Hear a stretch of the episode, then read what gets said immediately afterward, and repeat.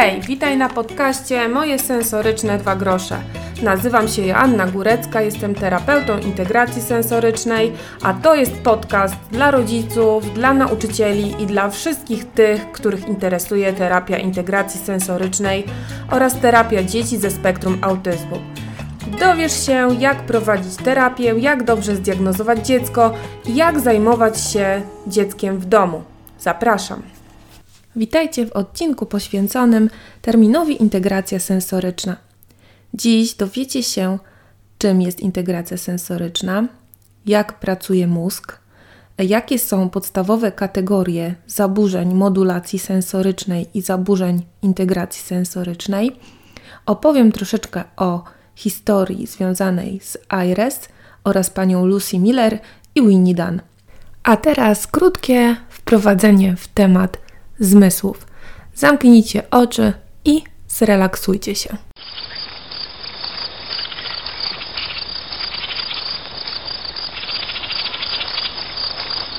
Mam nadzieję, że zdążyliście się przenieść na tą polanę i poczuliście się, e, jakbyście tam byli.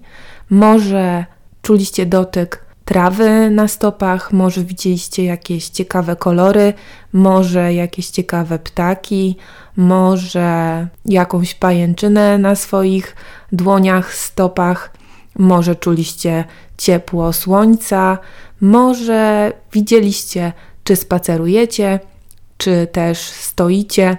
To wszystko są prawidłowo działające procesy integracji sensorycznej.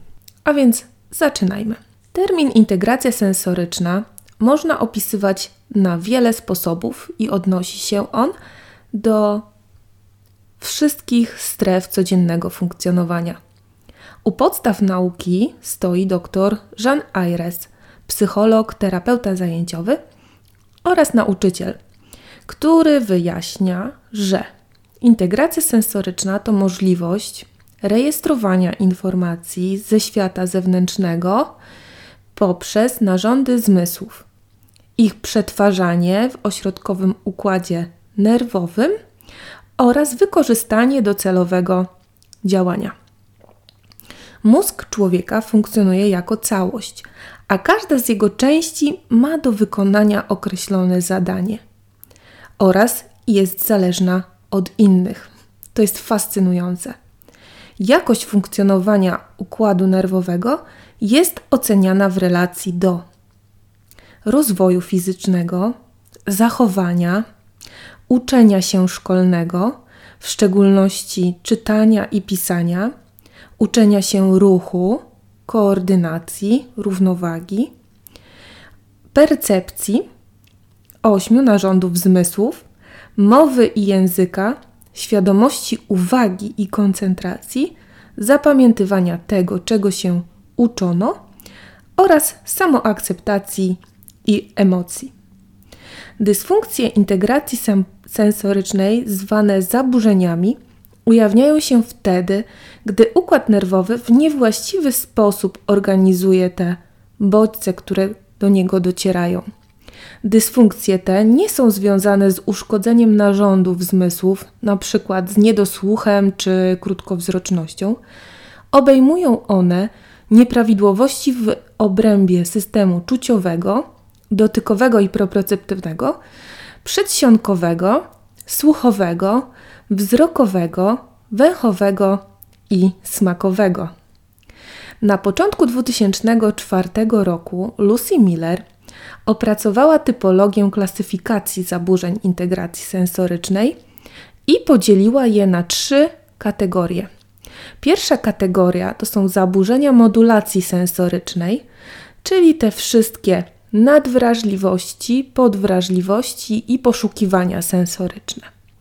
Druga kategoria to zaburzenia dyskryminacji sensorycznej, a trzecia to są zaburzenia motoryczne o podłożu sensorycznym, czyli tu może być dyspraksja lub zaburzenia posturalne. Dziecko nadwrażliwe będzie szybko reagowało na bodziec, będzie to silna reakcja i będzie ona dłużej trwała niż przeciętna reakcja. Poszukiwacze wrażeń mają wysoki próg pobudzenia, czyli nie zauważają wielu niewielkich zachodzących dookoła nich zmian, ze środowiska i w związku z tym dążą do podniesienia tego pobudzenia, które pomaga im poprawić koncentrację uwagi i właściwą kontrolę otoczenia.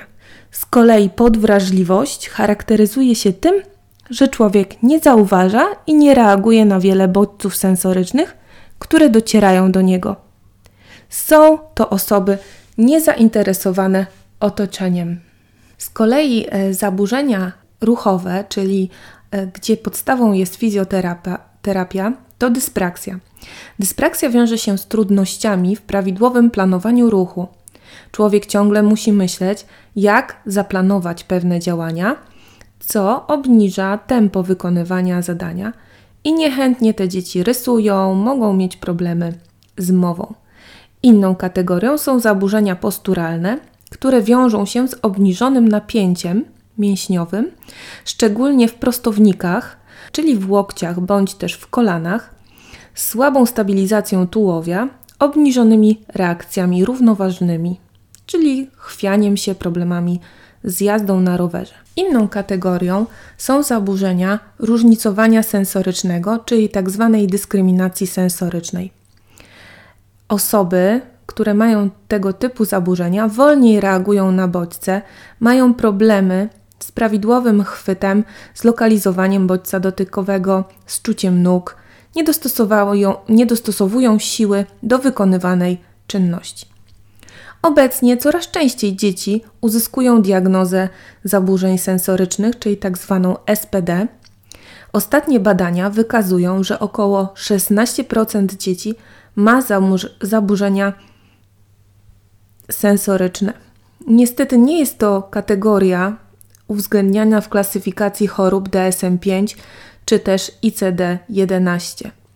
Kategorię tych zaburzeń można znaleźć w klasyfikacji DC-03R wydanej w Stanach Zjednoczonych przez National Center of Infant Studies and Families, czyli w wolnym tłumaczeniu Krajowe Centrum mm, na rzecz niemowląt, tak? Zaburzenia te są związane z samoregulacją i możliwa jest ich diagnoza od urodzenia do trzeciego roku życia. No i to by było na tyle, jeśli chodzi o podstawowe pojęcia w teorii integracji sensorycznej. W kolejnym odcinku będziemy się zajmować bodźcem sensorycznym i właśnie tą teorią Winnie-Dan profili sensorycznych. A na koniec szybkie podsumowanie. Dowiedziałeś się, czym jest pojęcie integracji sensorycznej, kto je jako pierwszy stworzył oraz jakie są podstawowe kategorie zaburzeń modulacji sensorycznej oraz innych zaburzeń integracji sensorycznej. Starałam się, aby ten odcinek był dosyć krótki, ponieważ w kolejnych będziemy uszczegóławiać te wszystkie informacje. Mam nadzieję, że już troszeczkę rozjaśniło Ci się w głowie na temat integracji sensorycznej. W kolejnych częściach poznasz ją bardziej dokładnie. Dziękuję za wysłuchanie tego podcastu. Jeżeli uważasz, że ta wiedza będzie potrzebna komuś, podziel się e, tym podcastem z innymi osobami, które potrzebują wsparcia. Mam nadzieję, że widzicie postęp już w moich redaktorskich tutaj czynnościach i mam nadzieję, że jest słyszalny. Dzięki, cześć. Moje sensoryczne dwa grosze. Bądź na czasie i o czasie w rozwoju swojego dziecka.